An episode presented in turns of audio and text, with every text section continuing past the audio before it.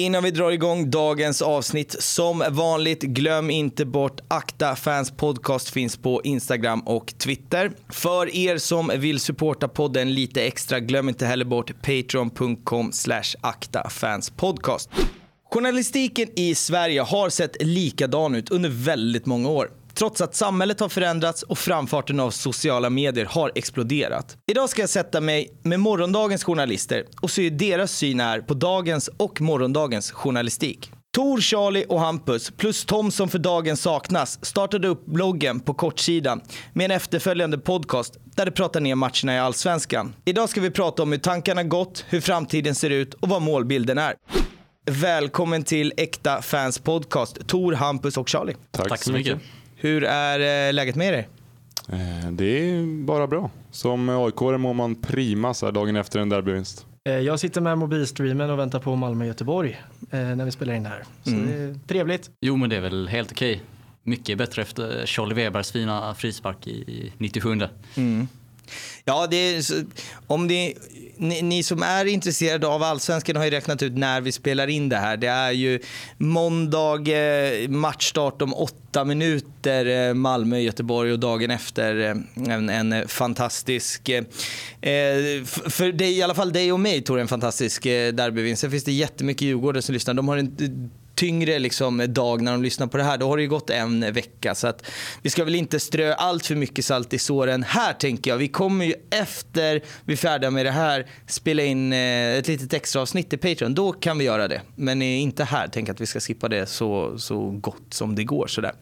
Men jag tänker att eh, lyssnarna ska få lära känna er lite grann, era, era liksom lagtillhörigheter och er supporterresa. Vi kan väl börja med dig Hampus. Vad, vilket lag eh, har du närmast hjärtat och varför och hur kommer det sig att det blev just dem? Mm, Det är ju då Helsingborgs IF och eh, det är väl, eh, man har ärvt eh, laget eh, genom familjen. Eh, mina föräldrar är födda och uppväxta i Helsingborg. Jag själv är inte från Helsingborg och har aldrig bott i Helsingborg. Men, så det är väl genom familjen man har fått det arvet och bär vidare på något sätt i alla fall. Ja, men grymt, grymt.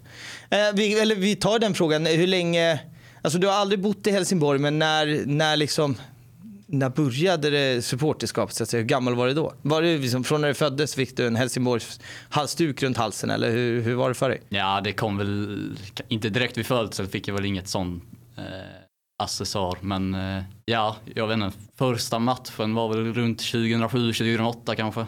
Eh, en Uefa-match tror jag det var. Eh, mot Austria Wien. Eh, Helsingborg var fina på den här tiden så det, fanns, Ja. det finns ju några fina matcher att hämta från Oh. Helsingborg. Det var länge sedan det var liksom feta Europamatcher för, för er nu, så kan vi väl säga. väldigt länge sedan. Så man föddes väl in i medgång på något sätt. Eller har växt upp med medgång som sen har blivit något annat. Mm. Vi kommer ju prata om att ni är, ni, ni, alla ni tre pluggar ju tillsammans, ni pluggar journalistik. Är det så att du har, är, befinner dig i Stockholm nu på grund av eh, plugg eller har du liksom flyttat upp av andra anledningar från början eller hur ser det ut? Nej, jag sökte på, jag bodde i Malmö eh, och jobbade på Postnord innan dess. Eh, eller innan jag flyttade till Stockholm och det var ju på grund av plugg jag flyttade upp.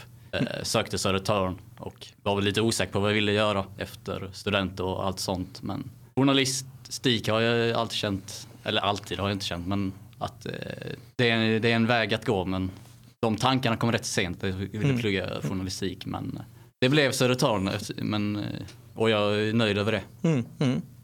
Nästa man till rakning då, vem ska vi ta? Det får ni bestämma själv pojkar. Kör Tor.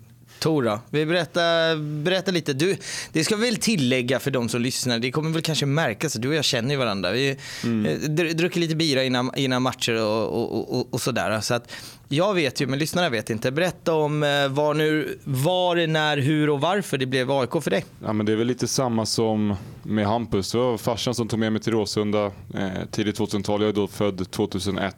Så det kan väl varit också svängen. Jag tror att jag hade väl hörselkåpor och blöja fortfarande, så två, tre bast kanske.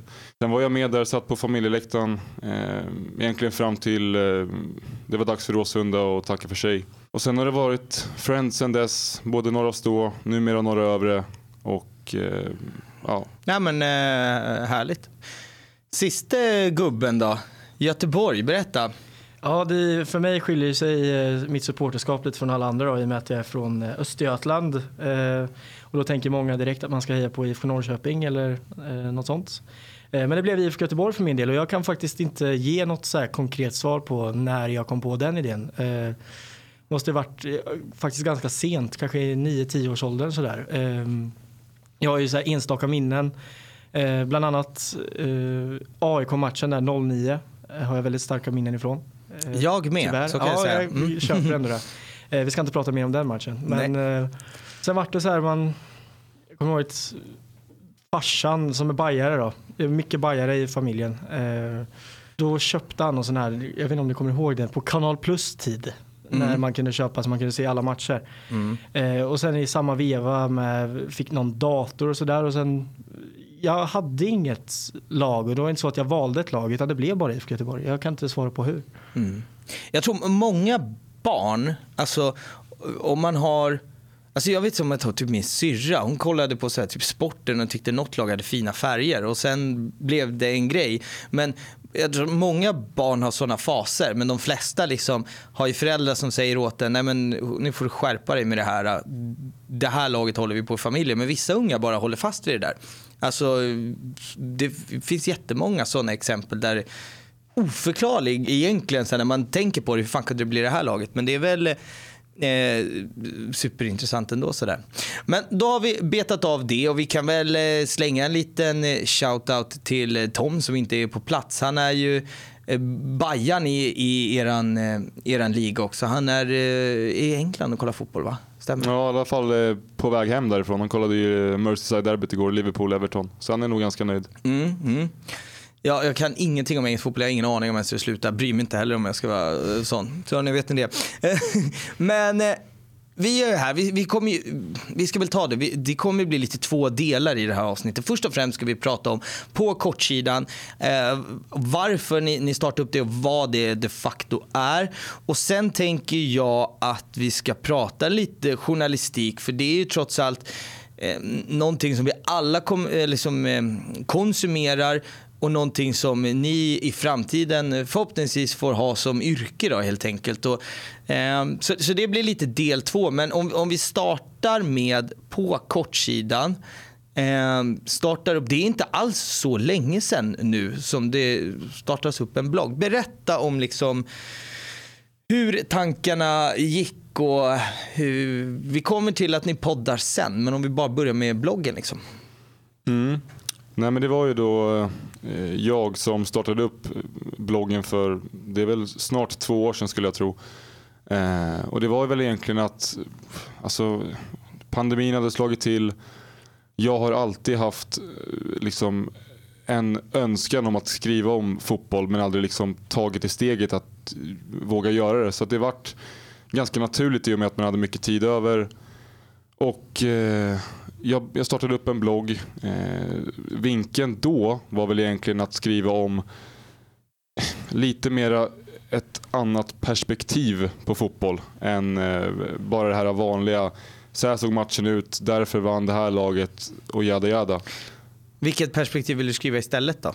Eh, då var det mer liksom, det som händer utanför planen, saker som kanske inte uppmärksammas i media jag minns jag hade nått, mitt första inlägg var faktiskt kring eh, Karius, den gamla Liverpool-keepern. Mm -hmm. eh, och hans jätteblunders i eh, Champions League-finalen 2018. Kan det ha varit så? Just han stod med eh. feber och kastade in två bollar eller något så här. Ja, precis. Ja. Mm. Och egentligen liksom, självklart förtjänar man ju liksom en viss kritik om man gör två sådana jättetavlor i en så pass viktig match. Men på den andra sidan så står också en människa och det var väl lite det perspektivet, om man liksom ser det brett nu, så var det väl det perspektivet jag ville lyfta med bloggen. Men sen eh, eh tog jag en paus i och med värnplikten. En eh, paus som jag inte kunde göra så mycket åt. Och sen började jag också plugga journalistik tillsammans med Charlie, Tom och Hampus då på Södertörn. Eh, och eh, då fick jag efter ett eh, par övertalningar till slut napp på dem. Och så började vi köra lite mera lagbaserad journalistik om man kan uttrycka det så. Eh, med våra lag, skriva krönikor eh, och senare starta en podd. Jag vet inte vad mer Nej, men vi, vi, vi startar väl där. Sen, sen slänger jag in, in frågan till er andra. När, när, när Tor kommer och säger fan ska vi börja blogga? Jag har en idé här. Vad var er spontana liksom, känsla in, inför det så att säga? Det här kan jag inte göra. Eh, inte? Va, va, va, varför? Eh, första tanken som slår mig är väl den här, Mm. vad ska man säga, någon form av jante att eh, jag kan inte publicera saker jag har skrivit. Tänk om någon kommer säga så här eller tycka så här. Det var väldigt mycket den eh, känslan jag hade. Att jag var lite rädd för vad folk skulle tycka. Men sen li- likt då så har jag också alltid haft en sån där eh, grej för att jag vill skriva om IFK Göteborg eller att jag vill på något sätt uttrycka mitt supporterskap förutom bara bland vänner och sådär. Mm. Så det är faktiskt väldigt skönt att vi blev eh, ganska snabbt en trio och sen kom Tom med lite, lite senare gjorde han. Eh, han var inte svår att övertala. Eh, men sen dess har det varit väldigt eh, här, skönt på något sätt. Att man, det, det känns som att någon spärr släppte typ. Att Men det eh, kan, skönt. kan det vara så att, ehm, eh, att jag har ju känt så när jag har gjort YouTube och liknande saker att det är så skönt när man har så mycket tankar om, en, om matchen och allt som har hänt och bara få liksom skriva av sig det så kan man liksom gå vidare sen i, i sitt liv. Det har jag känt många gånger i, i, i mitt liv. att så här, Ah, fan, vad ska jag göra av alla tankar, allt? Och sen helt plötsligt dök det upp YouTube och då kunde jag bara få så här, bort med det och sen kan jag gå hem. Då är liksom matchen färdig. Blev det en sån känsla liksom när, när IFK hade spelat? Och det här är också under en, en, en, en pandemi vilket gör att oavsett, nu bo, bor ju du i Stockholm och IFK är ju inte från Stockholm så att säga så du kunde inte vara där på alla matcher men eh, ändå när man har kollat den på tv och, och sådär. Var, var det skönt att bara bli av med liksom allt eller? Ja men eh, exakt så. Eh, och sen har- ska vi tillägga att nu känner jag ju några göteborgare som är från samma stad som mig. Eh, Mm. Men innan var det kanske inte så. Då var det svårt att Alltid när man har någon som hejar på samma lag så kan du diskutera en match. Du kan få ur dig saker på det sättet. Eh, Men här var det skönt att eh, nu kan jag göra min grej Mm. själv. Jag behöver ingen annan. Hampus, vad var din initiala känsla när, eh, när, när Tor ställde frågan? Ja, men någon form av ängslighet från början för att eh, jag har väl ganska dåligt självförtroende i mitt skrivande och som jag ändå jobbar på hela tiden att eh, hitta mitt sätt att skriva och allt sånt. Så jag tänkte så, ja, jo, första inlägget skrev jag så, ja det är skitdåligt till exempel. Men här är den i alla fall. Och det tog ju ett tag innan jag skrev första texten. Jag vet. Men sen när man väl kom över den tröskeln så har man ändå hittat eh, någon form av struktur och humoristiska inslag i sina texter om Helsingborg i detta fallet då. Som eh, ja, blir bättre och bättre hela tiden. Så den ängsligheten är ju borta nu i alla fall. Ja, jag måste bara tillägga det att eh, jag som ändå läser och publicerar alla texter Alltså, du har utvecklats något enormt om man jämför med ditt första inlägg kontra det du la ut sist. Eh, verkligen. tack. Nej, men kan, kan det vara så här också att Alltså det, det här som ni, som ni har startat skulle ju krasst kunna vara en, alltså en skoluppgift, typ så. Eftersom det, det är det här ni, ni pluggar. Det måste väl, känner ni själva att ni får liksom ett, vad ska man säga, ett försprång mot era eh, ja, men klasskompisar, jag vet inte om man säger så när man pluggar eh, högskola, men alltså förstår ni vad jag menar? Att vi är inne i det. Sen kanske inte är liksom Ja, ni skriver inte krönikor på Aftonbladet, men ni har er blogg. Eh, Känner man att man får det där försprånget eh, och är det skönt?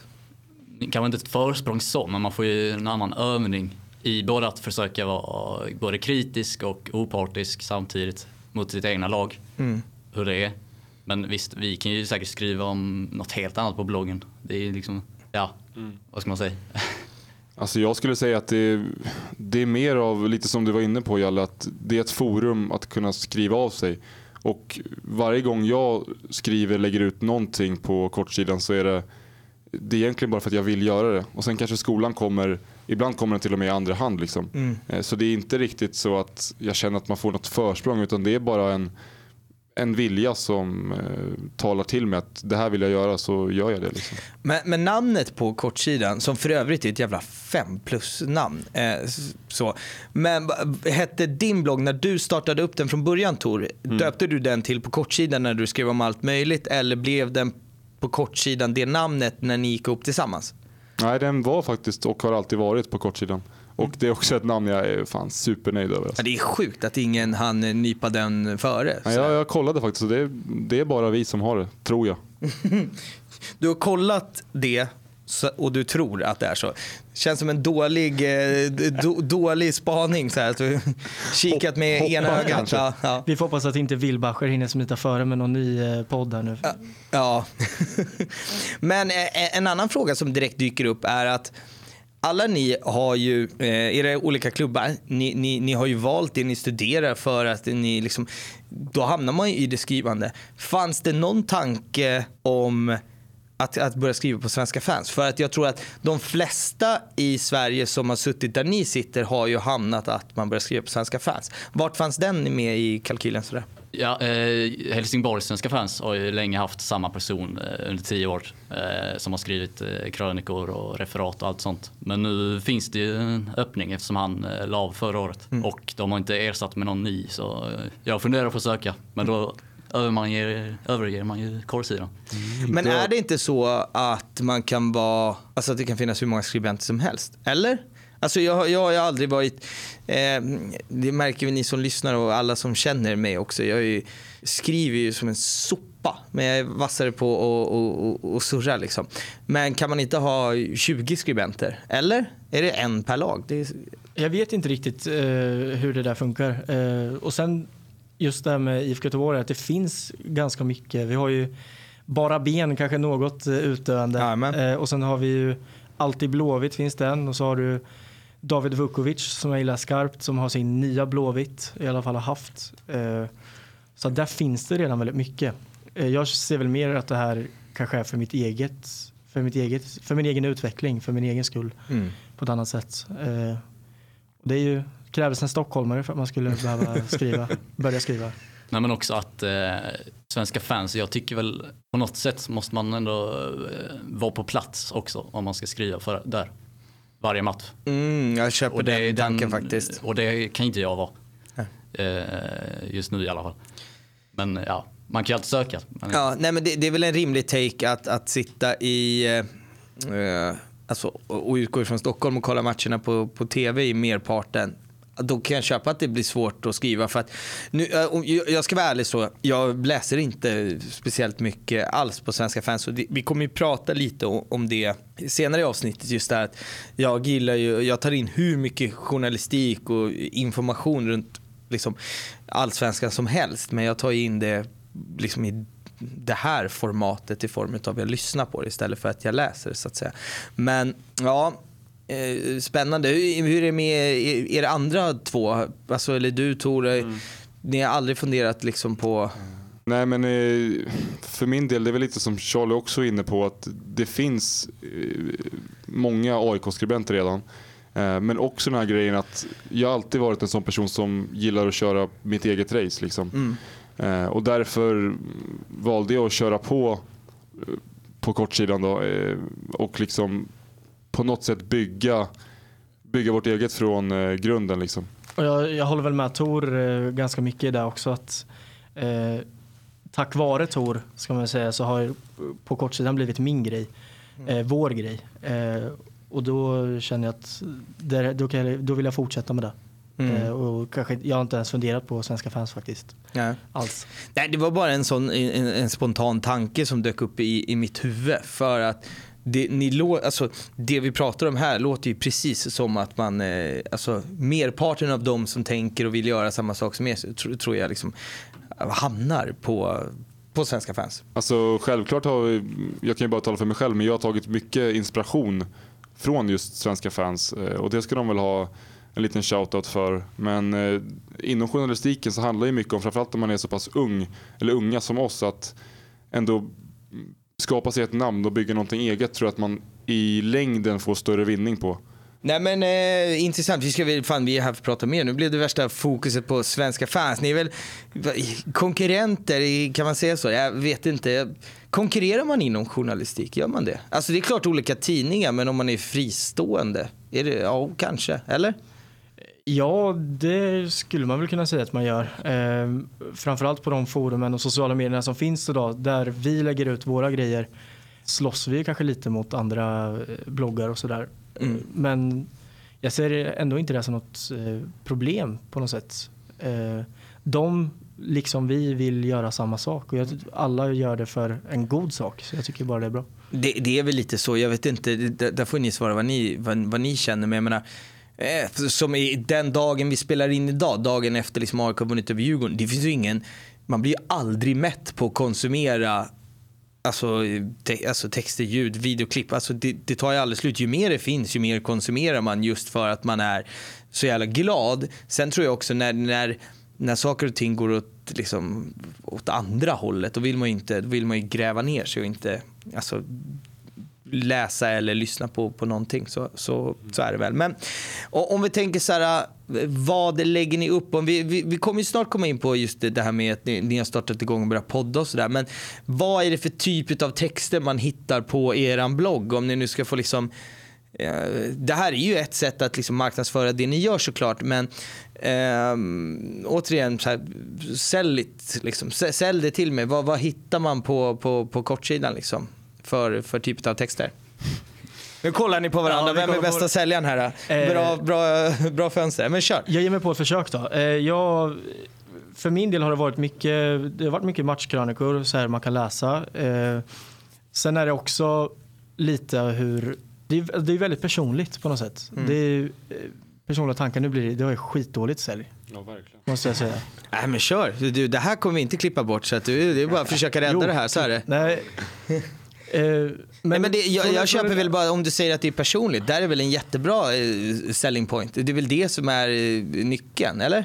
Ja, men jag kanske hittar det ändå på något annat sätt om jag ska lägga fram det på ett annat sätt. Att vi är ju ganska unga alla vi mm. och skriver kanske lite mer eh, ur en galen ungdomsperspektiv då. Eh, I alla fall i mitt fall. Jag försöker att inte ha speciellt mycket spärrar och sådär utan jag skriver precis det jag tycker och det kanske är lite lättare för yngre.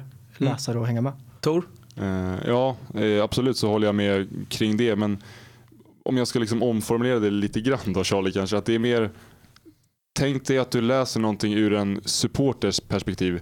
Eh, kanske en supporter som står på ståplats eller intill. En supporter som upplever det som händer på plan men också det som händer på läktaren och allting runt omkring. Samtidigt som den skriver med sina egna ord och sina egna känslor. Och lägg där till en, eh, en pågående journalistutbildning så har man ju eh, en jävla vinnande koncept skulle jag, alltså låter det som. Vad säger du eh, Hampus? Ja men jag försöker ju skriva mer ur ett fotbollsperspektiv eftersom att jag inte är på plats alla matcherna på Olympia. Och det är väl någonstans den taken jag måste ta eftersom jag inte är på plats. Och eh, bara att skriva av mig hur matchen var och mina känslor under matchen ibland och ibland inte. Mm. Och eh, ja, det var det. Kan du känna en liten, eh, vad ska man säga, avundsjuka? För du är inne i det här projektet, ni är inne i det allihopa. Kan du känna en avundsjuka att att liksom Tor kan skriva om det på ett, ett, sätt när han har varit på plats och du inte Alltså det är ju inte så att du inte vill gå på matcherna, du har inte möjligheten, du är här och pluggar. Alltså så. Kan du, kan du liksom, fan jag önskar att jag också fick. Eh, eller? Ja, det är lite tudelat där för eh, jag har inte varit jättemycket på plats innan heller. Så jag är väl kanske inte så den mest hängivna supporten på det sättet, gå på varje match. Det har jag ju aldrig gjort. Nej. Men jag tycker väl ändå att eftersom jag är supporter och jag kollar varje match så tycker jag väl ändå att jag har någon slags rätt att skriva om laget. Mm. Men då försöker jag göra det ur ett fotbollsperspektiv snarare än att jag ska förklara hur supportrarna gör. Ja, fattar, fattar. Rimligt. Och det är lite samma för mig som inte heller ser jättemånga matcher på plats utan det blir lite som ett eh, substitut för oss att inte stå och härja på läktaren. Istället så kan man försöka bidra och sprida sitt lags budskap på ett annat sätt. Mm. Eh, och i det här fallet via en blogg. Då. Mm. Jo men alltså, det, och, återigen, det, det är väl därför i den här, så som jag har den här podden, ni gör det ni gör. Alltså det, supporterskapet är ju på, på liksom tusen olika sätt och det här är väl ett sätt för er att eh, eh, nyttja ert, ert supporterskap. Det, det, är väl lite så, tänker jag. Mm. Ja, men jag tänkte bara tillägga en grej. Till exempel, jag har försökt skriva ett blogginlägg om eh, Helsingborg-Häcken. Mm. Men jag tycker det är skitsvårt för mig att skriva någonting om incidenten och allt det som hände efter och under matchen. Ja, ah, fattar. Mm. Det är väl en, ett jättebra exempel där där är man på plats så kanske man har sett det med egna ögon eller känslan eller vad som skreks eller vad som sades. Det är svårt för dig att bedöma liksom på Det enda jag kan skriva om är att det här har hänt, de snodde en flagga och brände den och så började Helsingborg rusa. Mm. Till exempel. Det är typ det jag kan skriva egentligen. Ja, jag fattar. Men eh, om vi ska hoppa in lite på det här eh, med... Eh, det startar som en blogg. Ni snurrar igång och det tar inte allt för lång tid innan på kortsidan podcast presenterar avsnitt nummer ett. Var, mm, varför eh, utöka till ett, ett ytterligare format? Hur gick tankarna med liksom att starta igång och börja podda? Alltså, först och främst så kom ju tanken om en podd till egentligen för att vi så fort vi har möjligheten sitter och snackar om fotboll. Eh, och matcher och incidenter och pyro, tifo och allt som har med, med allsvenskan att göra. Eh, och idén eh, låg ju och mörade till sig ett bra tag innan vi väl kom till skott med själva podden.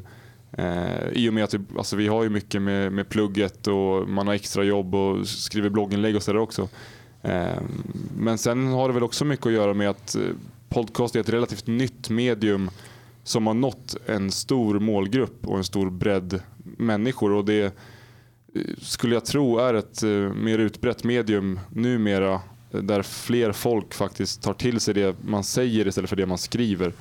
Ehm, så där har vi nog mer av en framtid kanske än inom den skrivande journalistiken. Vi var inne på det lite innan vi tryckte på räck. Att eh, Jalla, du sa om tio år så kommer skrivande journalistik. Du har, du har, jag vill bara säga det, du har ju man pratar ju om så här, när, man, när man gör poddar och sådana här brygga till saker, naturliga övergångar. Vi ska ju komma in och prata om vart journalistiken är eh, idag, vart den är på väg. Så du har ju liksom peggat upp för en, en fem plus brygga här. Men jag vill fortfarande inte att vi ska dit. Så vi, vi liksom förbiser den eh, ofantligt bra bryggan som du eh, skapar här. För att jag, jag vill ändå att vi, vi ska fastna i podden. För att eh, jag har gjort vad blir det här som vi sitter och spelar in nu, avsnitt 66. Jag har ändå fått eh, liksom erfarenhet av det här med, med, med poddande. Sen eh, har jag jättemycket att lära, men det som jag slogs av när jag eh, lyssnade, eller har lyssnat på er podd när ni släppte första avsnittet. Och det, det säger jag verkligen inte för att ni sitter här. Det vet ni också. Jag har, jag har gett eh, kritik också, men jag tyckte att ni fick till ett jävligt bra format eh, och, och, bra dynamik redan från, från liksom start. Eh, vilket är jävligt unikt att få till det i avsnitt ett. Eh, vi kan ju ta det. Om vi börjar så här, vad pratar ni om i, i, i podden? Bara ta snabbversionen av eh, vad ni tar upp i, i er podd. Eh, vi pratar ju framförallt då om eh, matcherna som spelas i Allsvenskan eh, och vi brukar väl oftast lägga mest tid på de lagen vi håller på. Eh, men nu, första avsnittet var det väldigt mycket så att vi pratar bara om våra lag i stort sett. Eh, men vi försöker även att spela in eh, andra, lag, andra lags matcher också. Sen pratar vi lite fantasy som, vi, som Tor drog igång. Och det här kände vi att det vill vi ha med. Där är vi alla intresserade. Mm. Och, eh, jag tappar intresse för det, jag är så jävla dålig. Alltså det är den sämsta ja, fantasy-starten i världshistorien tror jag. Jag blev mobbad igår på matchen av alla mina polare i samlad trupp kast den här säsongen. Ja, kör på. Eh, ja, och sen eh, så lite supporterskap för den delen också. Eh, sen måste vi ju kasta in quizet väl. Det är, ja, det är alltid med. Star, starka quiz. Starka quizet, quiz. Eh, så det är väl egentligen de så här fasta punkterna. Sen blir det lätt att man glider över på vissa ämnen. Eh, när du var med förra veckan Jalle så pratade vi om eh, Norrköpings supportrar, deras eh, mm. incident där. Att man tar upp aktuella ämnen mm. helt enkelt. Mm. Eh, och sen, jag vet inte, jag har inte lyssnat, jag kan inte bedöma vår egen insats så men det känns som att vi har hittat en bra eh, grupp Mm. Mm. Man får inte glömma stående segmentet med veckans Hampus också. Där vi varje vecka sågar eh, någonting som har hänt inom eh, fotbollsvärlden, oftast allsvenskan. Då. Mm. Varför fick jag det? Ja, för du är så kontroversiell och arg hela tiden. Eh, ja, nej men alltså, det, och, och, jag, jag, tycker verkligen inte att det finns ju Alltså, det finns ju tusen poddar och tusen olika grejer där, där, man pratar fotboll men jag tycker, jag tycker ni har skött det skitbra i början och därför också för er som lyssnar nu så eh, in och lyssna på deras podd. Och om, ni, om ni är skeptiska till dem så eh, är, var jag med i ett avsnitt så kan ni få lyssna på alla oss i ett annat lite annat format, typ så. Eh, men, eh, nej, men jag, jag, tycker verkligen inte att ni gör ett, ett, ett, ett grymt jobb. Vad, vad är, liksom, nu har vi pratat lite vart vi kommer ifrån eller vart ni kommer ifrån med, med på kortsidan. Vi pratar lite vart ni är. Vad, vad liksom vad är visionen med, om vi isolerar på kortsidan, så ska vi prata lite visioner om liksom vad ni själva vill inom journalistiken och sådär. Det är ju som sagt nästa del, men om vi bara isolerar på kortsidan, vad är Jag framtiden? kan väl ta det som alltid har hundratusen tankar och idéer i mitt huvud samtidigt. Eh, någonstans så är väl visionen med på kortsidan att skapa ett forum där eh, alla supportrar har en plats och ett lag för sig där man kan konsumera och läsa och lyssna på eh, ja, vad som helst och eh, det som intresserar en själv. Liksom. Just nu är vi fyra stycken. Eh, jag kan väl nämna det att är det någon som är intresserad att skriva och podda, eh, ta kontakt med oss på Twitter eller Instagram så löser vi det. Eh, och ja, egentligen bara ett ställe att kunna koppla av lite och ta in någon annan form av journalistik än den som de stora, stora mediebolagen eh, publicerar. Sen ska vi tillägga det att eh, vissa lag eh, supportrar kanske inte tycker om allt vi säger. Men sen är det ju så att vi vill ju väldigt gärna, nu hade vi med dig förra veckan Jalle med AIK, vi vill ju jättegärna ha med gäster från, från så många lag som möjligt egentligen. Mm. För att det ska bli en podd för mer för alla. Mm. Och jag tycker för våran del just nu så är det svårt att säga så här, vi vill bli störst, bäst och vackrast.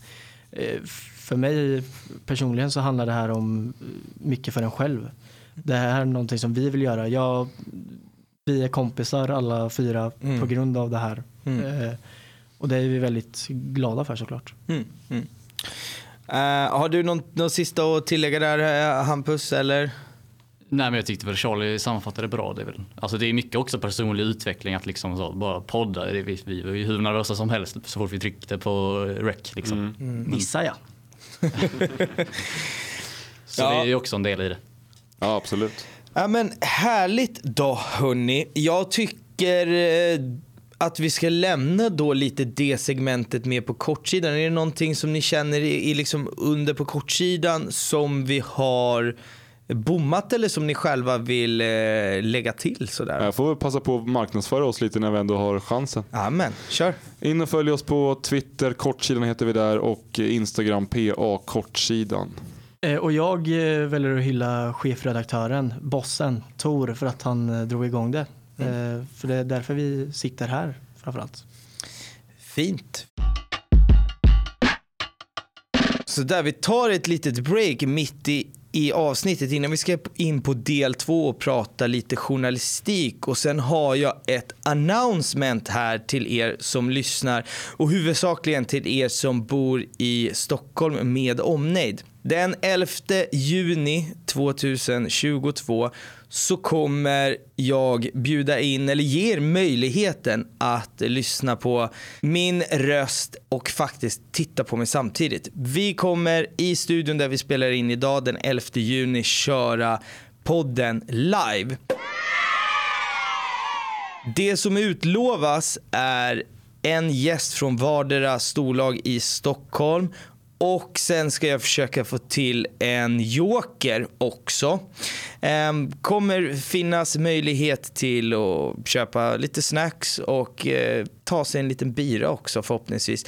Allting är inte 100% eh, färdigt eh, hur det kommer se ut men det jag kan annonsera nu är att 11 juni skriver ni in i era kalendrar.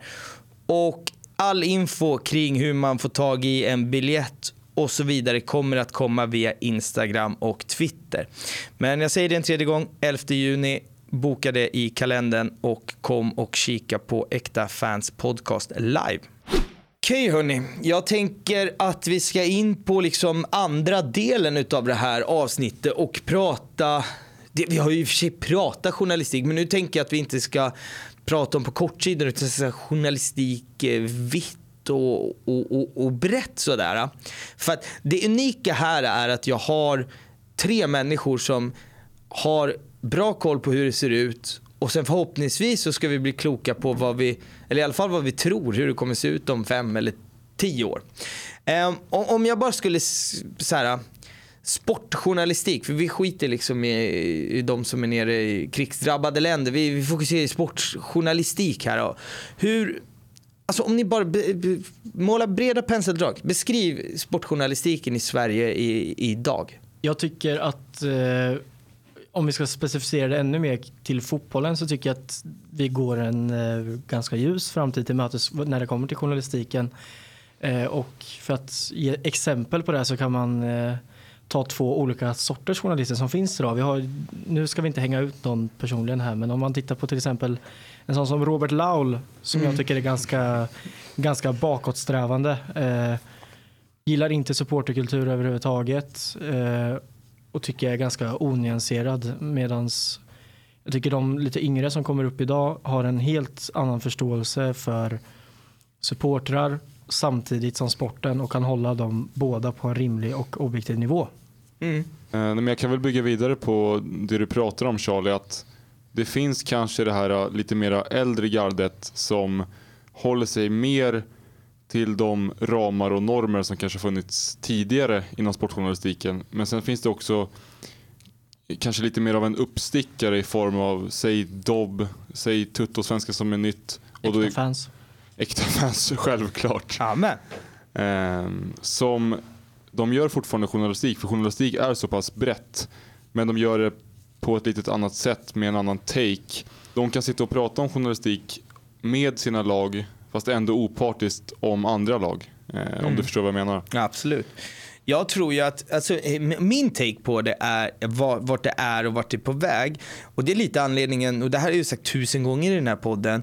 Och det, jag tror ju att det som är nästa steg är ju att man de facto kan eh, Alltså rivaliteten får aldrig försvinna men att man kan, man kan diskutera om, om supporterskap av matcherna lite mer Alltså att man vågar vara opartisk eh, även, även i sådana här forum. Sen finns det såklart, alltså, i dagsläget så, så, så, finns det ju de som är på matcherna och skriver ett, ett matchreferat och, och, och sådana saker också. Men det intressanta är väl att, tycker jag, är att eh, supporterkulturen och supporterbiten får ta mer och mer och mer plats i, liksom, i, i både poddar men också i det skrivande. Håller ni med om det?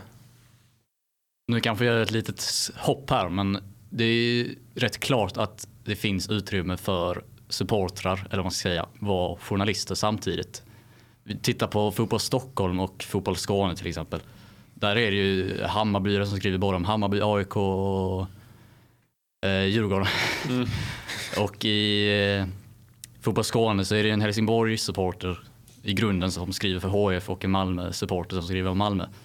Så det finns ju ändå utrymme för den biten. Men ja, jag menar. Ja, det handlar ju liksom någonstans om att fortfarande kunna hålla två tankar i huvudet samtidigt. Samtidigt som man eh, kan hylla sitt eget lag så måste man som journalist kunna sätta på sig de objektiva glasögonen och faktiskt eh, resonera kring ett annat, ja, till exempel ett rivallag, hur de har genomfört en match. Mm. Säg derbyt som spelades igår, det blev väl någon vecka sedan, bara som ett exempel eh, för mig som gnagare. Jag kan hylla AIKs insats men jag kan fortfarande se att matchen som spelades var jämn eh, och att Djurgården kanske går därifrån inte med ett orättvist resultat, det kommer jag aldrig kunna säga liksom, som aik -are. Men ändå att de genomför en gedigen insats och, och faktiskt eh, har något att hämta. Men, men, men, jag bollar upp en fråga så här. Min känsla som har liksom konsumerat skrivande journalistik i 20 år plus. Eh, då, för länge sedan, när man liksom gick på derby och dagen efter köpte Sportbladet och, och, och läste den.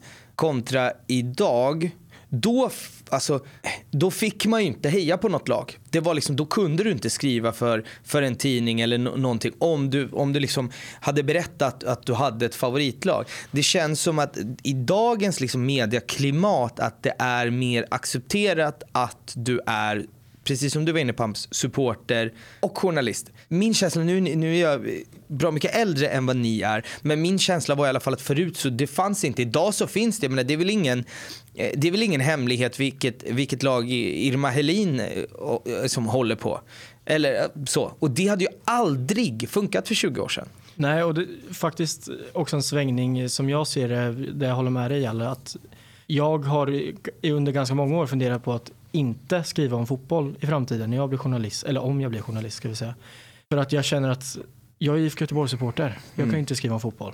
Men med tanke på utvecklingen de senaste åren så finns ändå den möjligheten. Eh, sen så stänger man inga dörrar till att jobba med annan sport heller, men det är klart att fotbollen ligger varmt om hjärtat för alla oss här. Mm.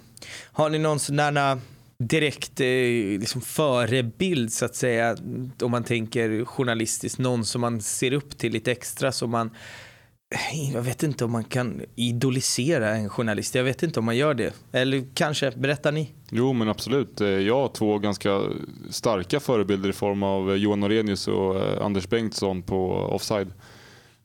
Som, det var väl mycket därifrån jag tog den inspirationen till att göra det jag gjorde i början på bloggen. Det här med att se det från ett annat perspektiv och belysa eh, saker som inte annars belyses i, eh, i, i stormedia eller vad man ska säga.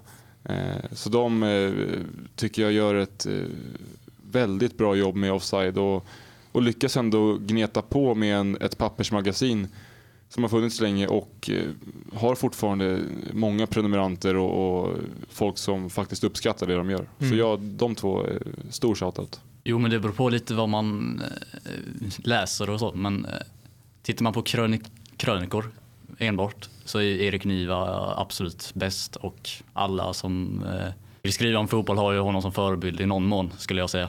Men eh, sen tittar man på Olof Lund, han är väl en av de få sportjournalister som ställer riktigt kritiska frågor mot både Uefa och Qatar och allt sånt. Det känns som han är den enda som vågar göra det inom sportjournalistiken, tycker jag. Och sen tittar man nationellt på Sverige och liksom längre gräv och reportage så tycker jag Noah Baffner är i särklass bäst på att ja, gräva på, inom vissa områden i alla fall. Mm. Eh, jag kontrar med någon som in, med, alltså en journalist som inte skriver. Då. Jag har mer varit inne på eh, faktiskt att jobba med både radio och tv själv. Eh, mitt utseende passar bäst i radio. Ska jag säga. eh, men jag har väl två förebilder där och det är ju eh, Niklas Holmgren på Viaplay och eh, Patrik Westberg på Simor. Eh, och nu skrattar grabbarna runt mig här. För mig är de inte bara journalister och kommentatorer utan de är, det finns personer och människor. Mm. De är verkligen Niklas Holmgren och Patrik Westberg på jobbet också. Eh, kommentatorer kan jag tycka kan vara ganska platta och tråkiga och det kan låta väldigt likt. Lasse Granqvist hör ju också till den kategorin såklart men de andra två tycker jag står i en klass för sig när det kommer till att var, vara sig själva samtidigt som de jobbar. Ja, jag, eh, jag hör vad ni säger och det är ni som ska svara på frågan men jag kan inte sitta här med gott samvete utan att slänga upp den jag tycker är eh, eh, bäst för svensk supporterkultur. Det är faktiskt det vi pratar om här och det, där skulle jag säga att Oskar Månsson är i, i egen klass. Hans gräv gentemot Eh, det, det som har hänt runt i Stockholmsderbyna, det här villkorstrappa och så vidare och så vidare har varit extremt eh, viktig eh, för, för svensk supportkultur. Och, och det, jag kan bolla upp det som en liten som, som nästa liksom punkt, eller vad man ska säga, det är väl att det känns lite som att, och det, det pratade jag också med Oskar Månsson om när jag hade han som gäst här i podden, att eh, journalister idag, om man ska skriva om fotboll, man måste välja lite läger, typ så. Att antingen är jag på supportrarnas sida eller så är jag på liksom, alltså, eller så är jag inte på deras sida så att säga. Och det säljer på, på olika sätt. Oskar Månsson med eh, Fotboll Stockholm eh, och Fotboll Skåne, det, det är ju bara alltså aktiva supportrar som, som läser. Han, kommer liksom, han bryr sig inte om Agda som sitter i en stuga och tycker att fotboll är våldsamt. Liksom. Men medan eh, Laul till exempel, han säljer ju till dem som tycker vi är sjuka i huvudet. Som, som liksom går på fotboll och skriker och härjar så att säga.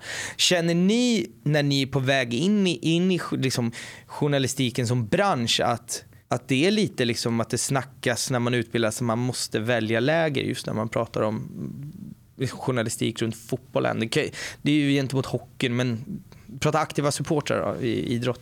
Absolut inte skulle jag säga, eller i alla fall inte att man behöver välja. Eh, jag tror det, där kommer ju objektiviteten in, att det är väldigt viktigt att kunna säga när ett lag är bra och när ett lag är dåligt. Samma med supportrar, när supportrarna har gjort något bra, gjort ett skitsnyggt tifo, så ska det hyllas. Men när supportrar beter sig illa så mm. ska det absolut uppmärksammas och kritiseras.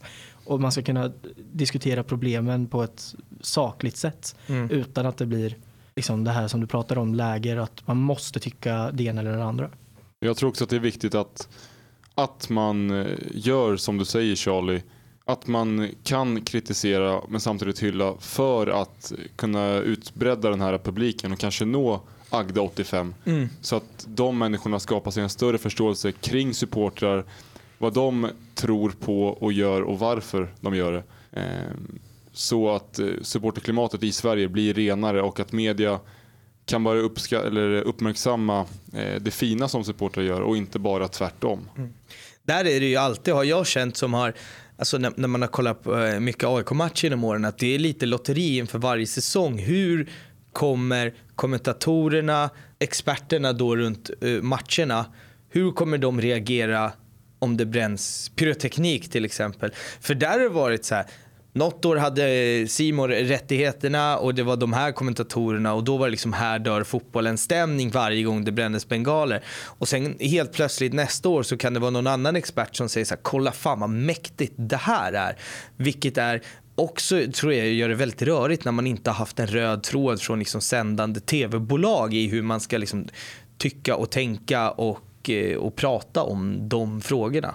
Sådär. Alltså där tror jag att det är viktigt att eh, journalisterna i form av kommentatorerna eh, också som vi har varit inne på nu att man måste kunna göra både och. Ser man en bränning som går lite vajsigt till, till exempel att någon eldar upp en flagga och det blir tumult. Mm. Då måste man kunna säga som det är och att det, det, det är svårt att hylla det när fotbollsmatchen drabbas av det. Mm.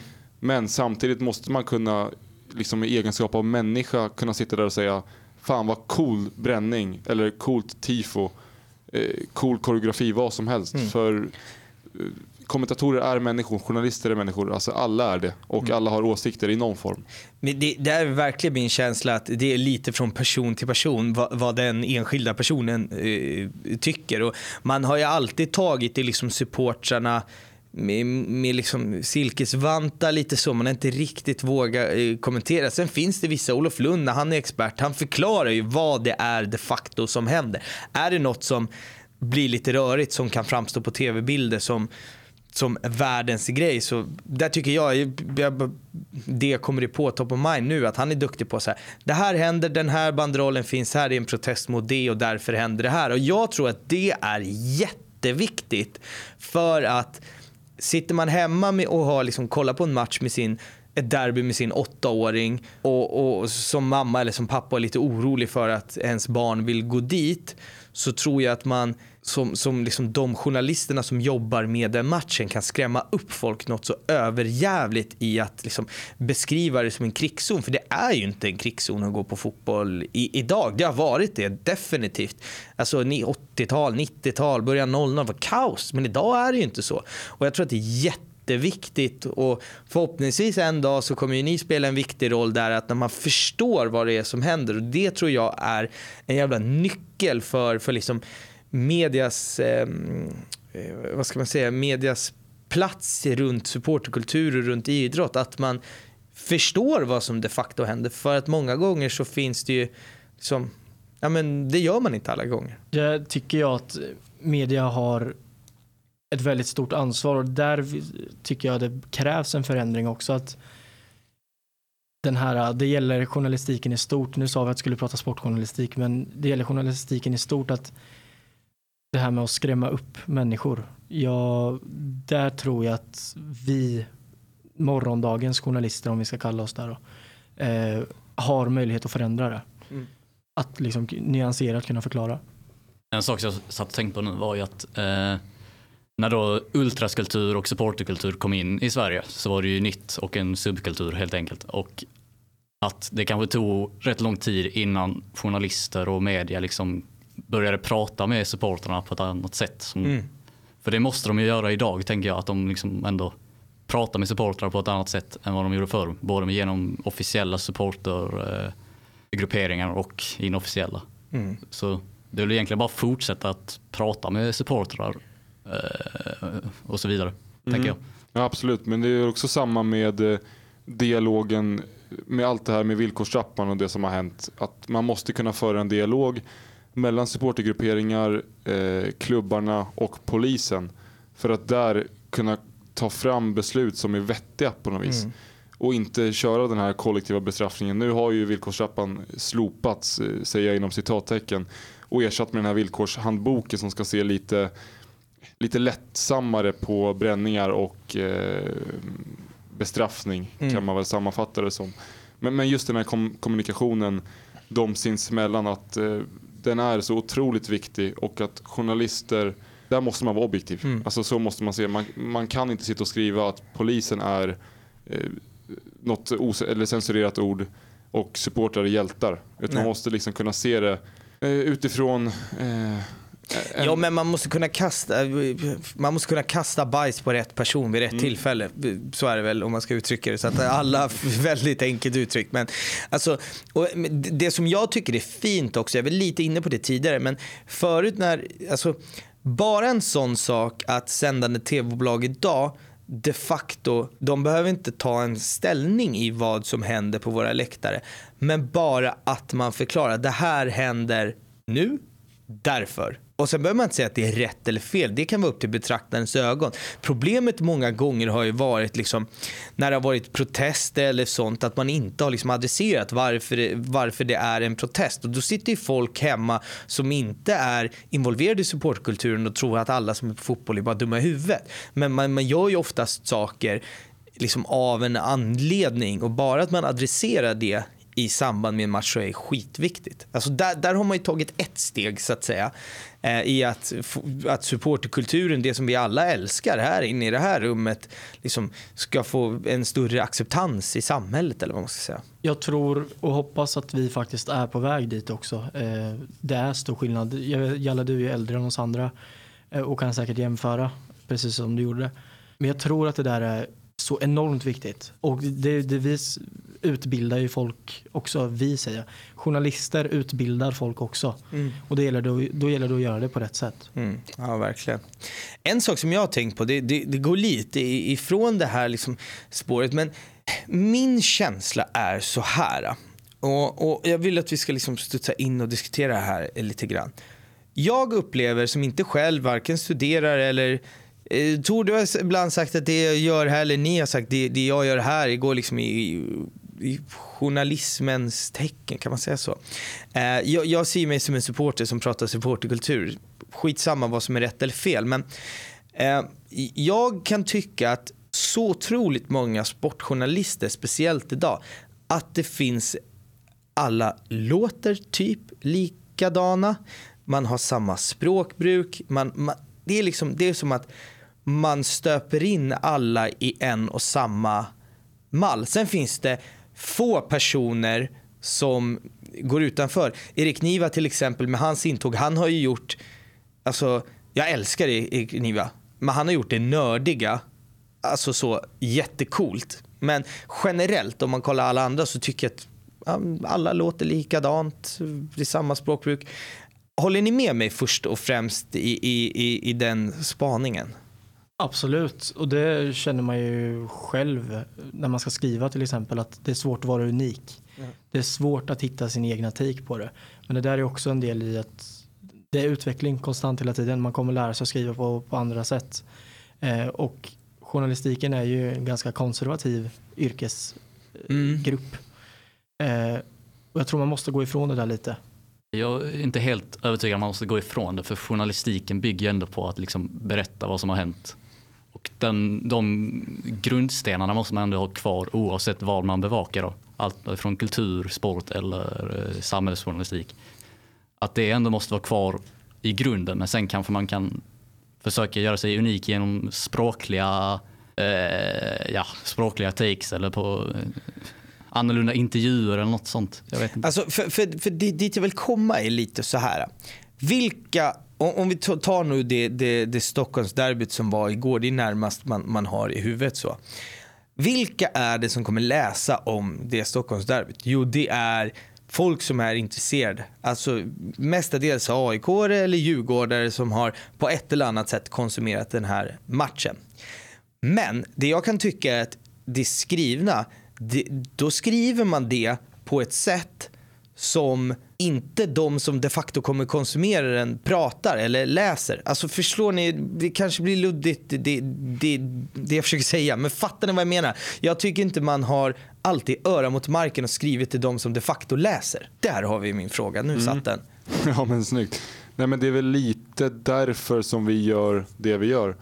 Eh, journalistik måste jag börja med att säga, det är det är ett väldigt brett eh, område mm. och det finns så många olika takes på eh, sportjournalistik också. Eh, men just det du är inne på att har AIK spelat ett Stockholmsderby mot Djurgården, är man AIK efter en sån match, då är det nog roligare att gå in och läsa en krönika som en supporter har skrivit eh, än att läsa ett matchreferat från en objektiv journalist. Mm. Tror jag i alla fall, eller det är så jag tycker. Eh, och därav försöker väl vi kanske vinkla journalistiken lite åt support, supporternas håll. Mm. Om man kan eh, formulera det så. Samtidigt som att det måste finnas utrymme för båda kan jag tycka. Mm. Ja självklart, självklart. Mm. Men eh, det nu peggar upp för en ytterligare fin brygga här Tor. Eh, märks att du poddar själv. Eh, morgondagens journalistik. Alltså så här, alla vi som, som sitter här, alla som lyssnar, vi konsumerar ju eh, media dagligen. Men vad tror ni alltså är nästa steg?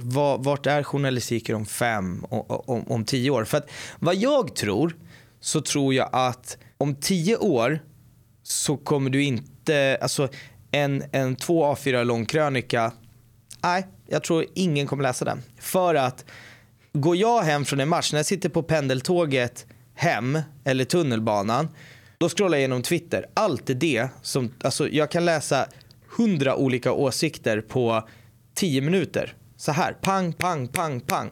Och, och om jag ska liksom lägga en, en persons åsikt i tio minuter, jag har inte det attention spanet. Och, alltså jag är vuxen och har bara attention span som, som ett barn. Men jag tror att de som är unga idag, attention spanet, man har så, får så mycket information, det måste gå fortare.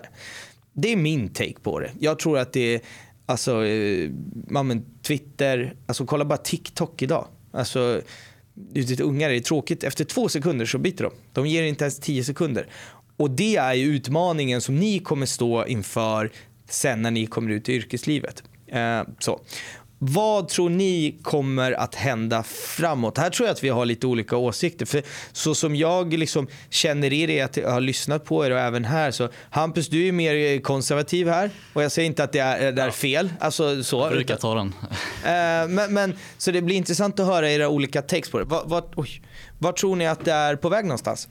Alltså först och främst, eftersom jag är den konservativa, så vill jag ju jag vill ha kvar de långa krönikorna. Eh, som alla kan läsa och som oftast är liksom välskrivna och inte alltid bra men det är ändå läsvärt tycker jag. Mm. Men sen jag förstår ju att man måste jobba med liksom snabba hela tiden. För det är liksom, tidningarna ska ju tjäna pengar också. Mm. Och ska de göra det måste de ju följa med i utvecklingen. Men jag vill ju fortfarande kunna läsa de långa jävlarna så att säga. Ja, jag fattar.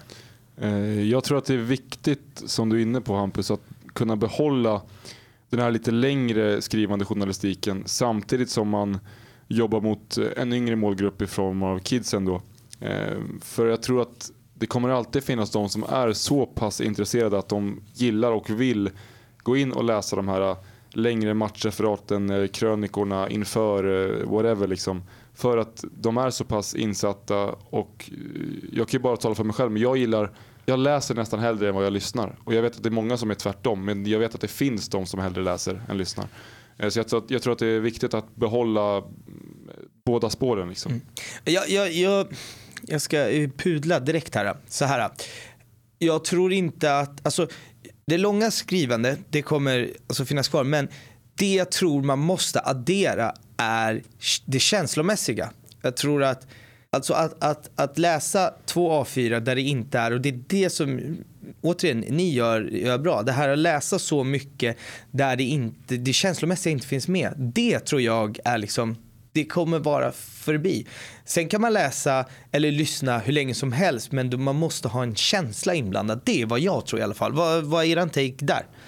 Eh, jag tror som du, Jalla du sa tio år där.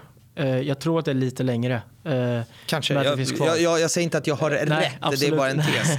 jag säger absolut inte att du har fel heller. Men jag tror att det kommer att finnas kvar längre. Jag tror det är viktigt att, som vi redan varit inne på, att man utvecklar alla former av media. Jag tycker att media har blivit mycket bättre på att anpassa sig till till exempel sociala medier och att det går mycket fortare. Eh, och sen tar jag Tors eh, förlängning på Tors grej där också. Morgondagens läsare då, eller morgondagens konsumenter av media måste ju, man måste kunna tycka att det är kul att läsa en tidning. Man måste tycka att det är kul att lyssna på en podd eller se ett program. Och då, det behövs fler journalister, kort och gott. Mm. Någon som kan, alltså journalister i olika kategorier bara. Mm. Man måste kunna få lite av allt så att det passar alla. Mm. Har ni någonting att tillägga på, på i, i de här tankebanorna? Alltså, frågor kring framtiden är alltid svåra för det är ingen som vet hur det kommer te sig. Det är bara Gud och bettingbolagen som Rickard Norling så fint sa. Ja. men eh, men du är inne på eh, helt rätt spår tror jag att eh, människor dras till känslor, människor har känslor själva. Och att just den delen av journalistiken kommer att betyda mycket i framtiden, där är jag helt enig med dig. Mm. Nej, alltså, jag, jag, jag, jag, kan utgå ifrån mig själv. Så här. Idag går jag på matcher och det kommer fram, varje match jag är på så kommer det fram x antal barn till mig och vill säga tja och ibland vill de ta bilder och varför? Jo det är för att jag bara har berättat mina känslor. Jag, alltså, jag kan ju inte förklara hur, varför AIK vann taktiskt en match. Jag är inte så skicklig, jag har ingen aning. Alltså, och oftast när jag varit på plats har jag varit packad, så alltså, än, ännu värre. Utan jag har bara stått på YouTube och gastat ut mina liksom, känslor och bara gått på feeling och skjutit från höften. Och de unga älskar det. Och det är det jag menar med att jag tror att när de sen är 20, 25, 30 bast. Jag, jag, tror att det är det man är van vid idag. Att man direkt får ta på känslan istället för att okej, okay, nu ska jag landa i någonting som är oobjektivt. Jag tror att det oobjektiva kommer bli mindre och mindre intressant ju längre tiden går. Det är bara min take och min er erfarenhet så. Jag tror, nu blir det lite upprepning igen här, men just det här med personligheter och igenkänning och förebilder mm. eh, är jätteviktigt. Och jag håller med dig där Jalla, att det är för många som är likadana, låter likadant, skriver likadant. Att man måste få de yngre att känna igen sig i det mm. som sägs och skrivs. Mm. mm. Jo, men och det, det, är det att många gånger så tycker jag att det, det finns många journalister som som är jätteduktiga. Alltså skriva in konst och skriva fint. Men jag tror att den branschen behöver kanske ha örat lite mer mot marken. Vilka är det som konsumerar? För att de som, de som kan sätta sig i lugn och ro och läsa en 3A4 krönika om tio år, ah, tveksamma om de kommer fortfarande palla läsa den. Och de som är 12 idag, som är 22 om tio år, aldrig i livet. Alltså aldrig i livet tror jag. Och det, det är bara mig. Alltså så. Det, det, det är vad jag tror. Nej men eh, jag tror verkligen att eh, det som vi är inne på det här med känslor och, och personligheter att någonstans så är det viktigt att man skapar sig ett namn. Jag kan bara också tala för mig själv i det här fallet. Men just inom journalistiken att det finns så många som agerar, säger och uttrycker sig på samma sak. Att någonstans så måste läsaren kunna veta och känna med den personen som skriver eller pratar. Eh, för att alltså jag, jag, kommer hålla mig till samma spår att människor är alltid människor. Mm. Och eh, människor har känslor. Sen måste man, som jag varit inne på hundra gånger i den här podden, kunna vara eller objektiv. Ska jag säga. Men, men, tror ni inte i framtiden att eh, det kommer finnas, man måste ju Alltså allt idag är ju anpassat till individen. Förut så fanns det en, en, liksom, en tidning, man köpte den för 10 spänn och sen var det liksom det här ska passa alla. Idag med sociala medier, med, med liksom marknadsföring som AI-program prickar exakt efter vad du har klickat. Tror ni inte att i framtiden att att det kommer vara så att till exempel nu AIK läser krönikor, whatever, som är skriven av en aik där han blandar in sina känslor hur det var på plats. Alltså jag tror att det, det är typ det enda som kommer funka. Va, för, förstår ni mm. vad, jag, vad jag menar?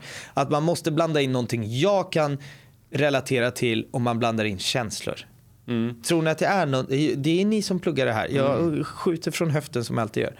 Men jag, jag tror att det, det, är så framtiden ser ut. Att man konsumerar det som bara rör mig. Mm, det är möjligt. Men jag tror att liksom, om man ska se till de journalistiska etikreglerna i det här fallet. Nu mm. låter det jättenördigt. Men någonstans som journalist så måste man ändå kunna behålla den här objektiviteten i den mån att Visst, jag kommer hysa mina känslor och förakt mot eh, de andra två Stockholmsklubbarna i det här fallet. Ehm, men jag måste också kunna uppmärksamma det de Men gör bra. kommer det ge klick? Kommer det ge klick? Vad ger mest klick? Hampus, nu vill jag bolla in det här. Mm. Va, vad ger flest klick? Om jag skriver, om jag skriver en krönika ur AIK-synpunkt där jag också lägger in vi krossade dem på läktaren. Alltså om, om vi, vi ponerar nu, vi leker med att jag är journalist. Jag skriver att vi vann läktarkampen, AIK-perspektiv. Eller att du Hampus skriver en, en, en, en krönika generellt om matchen. Vad tror du blir flest, mest klickad idag och om tio år? Både idag och om tio år kommer eh, din krönika få flest klick. Antar jag. För det är någonstans, man vill, det, som konsument, konsument vill man ju läsa, eh, om det är snabbt in på matchen, man vill ju läsa vad du skriver. Mm. Men ja, men, borde inte det då per automatik, om det redan idag säljer bättre, om man då, i, i och med att journalistik handlar ju om att, att liksom sälja, sälja in klick eller sälja lösnummer mm. som det så fint heter. Idag är det ju mer att sälja klick än att sälja lösnummer. Men, men är ni ja. med? Varför gör inte... Men just klickverksamheten som tidningarna sysslar med för lite, ja vad kan det vara, fem år sedan, det var ju ännu mer än vad det är idag. Mm. Nu satsar ju många Expressen och Aftonbladet eh, på att liksom få in prenumerationer mycket mer än vad man mm, gjorde då. Mm, sant. Och det är väl också en utveckling att liksom det kommer vara fler låsta artiklar. Din, om tio år kanske en låst artikel. Mm. Som det kanske inte skulle vara idag. Ja, nej, det har blivit, eh, det, det, har blivit kanske lite så journalistiskt nördigt men jag, jag såg möjligheten. Jag tycker att det är eh, ett otroligt intressant samtalsämne för att man behöver kanske ibland landa lite i alltså hur jag, jag, jag, vet inte om alla uppfattar att allt det man läser och skriver är journalistik. Jag tror inte man tänker på det. Alltså i, i den om man inte är, jobbar med det eller pluggar till det. Alltså så. Att eh, det är någon som har utbildat sig fyra, eh, fyra eller vad är det, tre, fem tre. år? Tre. För, och sen gjort en karriär på att skriva det här som man bara liksom, Eh, läser fyra meningar och sen klickar bort. Alltså, man behöver fatta eh, branschen och hur jävla mycket gnugg det är bakom. Men sen är det också intressant att diskutera vad som är bra, vad som är dåligt och vad som är framtiden. tänker jag. Tor, du hade något som du ville bolla in med. Mm. Ja, men just där kring din take eh, om känslomässiga krönikor. Då måste man nästan ställa sig frågan, blir det journalistik då? Visst, journalistik är väldigt brett. Men är det en krönika där du bara, alltså enbart baserar den på dina känslor och skriver de här är horungar och bla bla bla bla. Någonstans så måste man ha med ett motargument inom journalistiken. Jo men det är, det är klart man måste ha li, lite känsla i det, absolut. Men jag tror att jag, tror stenhårt på, sen återigen, vad, vad, är min åsikt värd i det? Men jag tror stenhårt på att känslor och mer vinklat kommer vara, jag tror att det är framtiden. Sen kommer det alltid finnas de som är så otroligt jävla skickliga i att kunna skriva så att alla vill läsa. Men jag tror att det kommer bara bli färre och färre och färre människor. Och för att det ska funka så tror jag att man kommer behöva vara ett jättenamn, typ Niva. Alltså så man behöver vara av den kalibern för att kunna skriva opartiskt.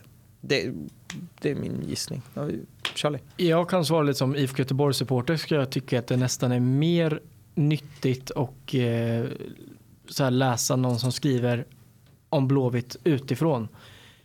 För att man, man är ju så fast i, att, i sin egen värld. Man är ju alltid så här i förnekelse som supporter. Mm. Vi är, jo, man säger att vi, man tycker alltid att man är bra, att man är bäst. Eh, men jag lär mig mer av att läsa från någon som inte hejar på IFK Göteborg mm. kanske mm. och ser det utifrån. Mm. Så jag tror det är, som, det är lite det som Tor har varit och snuddat vid, att nyansen är jätteviktig att behålla. Mm. Vi pratade lite om framtiden innan, men jag ska bara lägga till eh, alla de här statistikverktygen. Det kommer bara bli större och större också. Mm. Och jag vet inte hur den unga, de som är tio år yngre än oss, hur de tar in sån information. Men utifrån mitt perspektiv tycker jag det är svinintressant att läsa liksom XG och eh, Spindlar och såna ja, men allt sånt. Även om det är jävligt svårt att förstå. Men ja, det, det kommer också finnas i framtiden tror jag. De som är tio år yngre än er kommer det vara liksom det enklaste som finns att konsumera om tio år. Det är jag helt övertygad om. För, för mig som är 31 nu, det är så här XG, ja, men du vet, man litar inte riktigt på nya grejer. Det, alltså, det, det blir ju lite så, men det, det tar ju en jäkla lång tid. Det är, som, det är svårt att lära en gammal hund att sitta, men det är jävligt lätt att lära en valp. Det blir väl, vilken, vilken metafor det blev. Men, Ja, verkligen. Mm, Men jag-. Poeten Jalle här i Äkta Fans Podcast. Ja. Ja, Jag tycker, jag jobbade ett tag på skola eh, och man märker att man behöver göra det roligt också. Som en spindel till exempel. Mm. Det där är ju egentligen genialt i hur man har målat upp det för att det är så lätt för vem som helst att förstå vad det handlar om. Ja. Eh, och där, är- det Fifa, man, lägger, man tar sina två forwards, vem är bäst? Man lägger spindlarna på varandra Ja. och där petar ut lite längre, han får starta. Alltså det, Ja. det är så enkelt. Men jobba med, med, med bilder gör det, gör det roligt liksom. Mm. Men det handlar ju mycket om att, att anpassa journalistiken till målgruppen. Eh, barn kommer inte kunna ta in samma information som en vuxen och en vuxen kommer inte vilja ta in samma information som ett barn. Mm. Eh, alltså beroende på hur man tar fram eh, informationen eller spindlar eller sådär. Jag känner att jag har bytt åsikt typ hundra gånger. Ja, men fan, det gör man. Man Men det, det blir så. Ja, så blir det. Eh, hörni, fan, det har varit ett, ett grymt eh, fint samtal. Det har varit skitkul att ha det här. Och, eh, vi ska inte riktigt gå än, men eh, för lyssnarna så, så, så kommer vi eh, runda av här. Men vi kommer ju direkt när vi har, när vi har stängt det här avsnittet spela in ett eh, till litet avsnitt där vi ska prata lite Lite mer som ni gör i er podd. Jag tänker vi ska prata lite allsvenskan 2022, vad, vad vi tror och lite känslan so far. Så att vill ni lyssna vidare så eh, patreon.com slash aktafanspodcast kommer vi lägga upp det samma dag. Så att när du lyssnar på det här så finns det också där. Men innan vi liksom stänger det här avsnittet, är det någonting som ni vill lägga till eller något som ni känner att vi har glömt eller vad, vad som helst, ordet fritt. Ja, ja, jag vill bara, vi får tacka allra ödmjukast för att vi fick eh, komma hit. Mm, verkligen, det har varit en, en ära att få sitta och podda med dig återigen. Mm, mm. Jag är, jag är jätteglad att jag har fått ha er eh, här också. Jag hade eh, inte tagit in er om jag inte tycker att det ni gör är jävligt eh, bra. Så, så enkelt är det. Så det och det, det ska ni faktiskt eh, ha. Och för er som lyssnar, nu vet jag inte vad vi ska göra av Instagram och Twitter den här veckan. Vi får väl hitta på något kul. Vi får ta en fin gruppbild här inne i, i, i poddstudion. tänker jag. Lagbild. Man får Ja, klipp, eh, klippa in Paul, eh, Tom på något vis också. Får blurra ansikten. Ja, ja. Ska vi stå med Hampus med tre gnagare på en bild? Ah, det vete fan. Alltså. Nej, men eh, jag är återigen som varje vecka supertacksam att eh, ni eh, lyssnar. Så hörs vi igen nästa måndag. Ta hand om er. Ciao! Min resa var mot solen Långt bortom alla slutna rum Där alltid Äkta fans podcast görs i samarbete med Studio plus 46. alla gränser har för evigt suddats ut Jag ville se mirakler och höra ord som föder liv. Bli buren av en styrka som bara växer när jag anat mitt motiv. Stad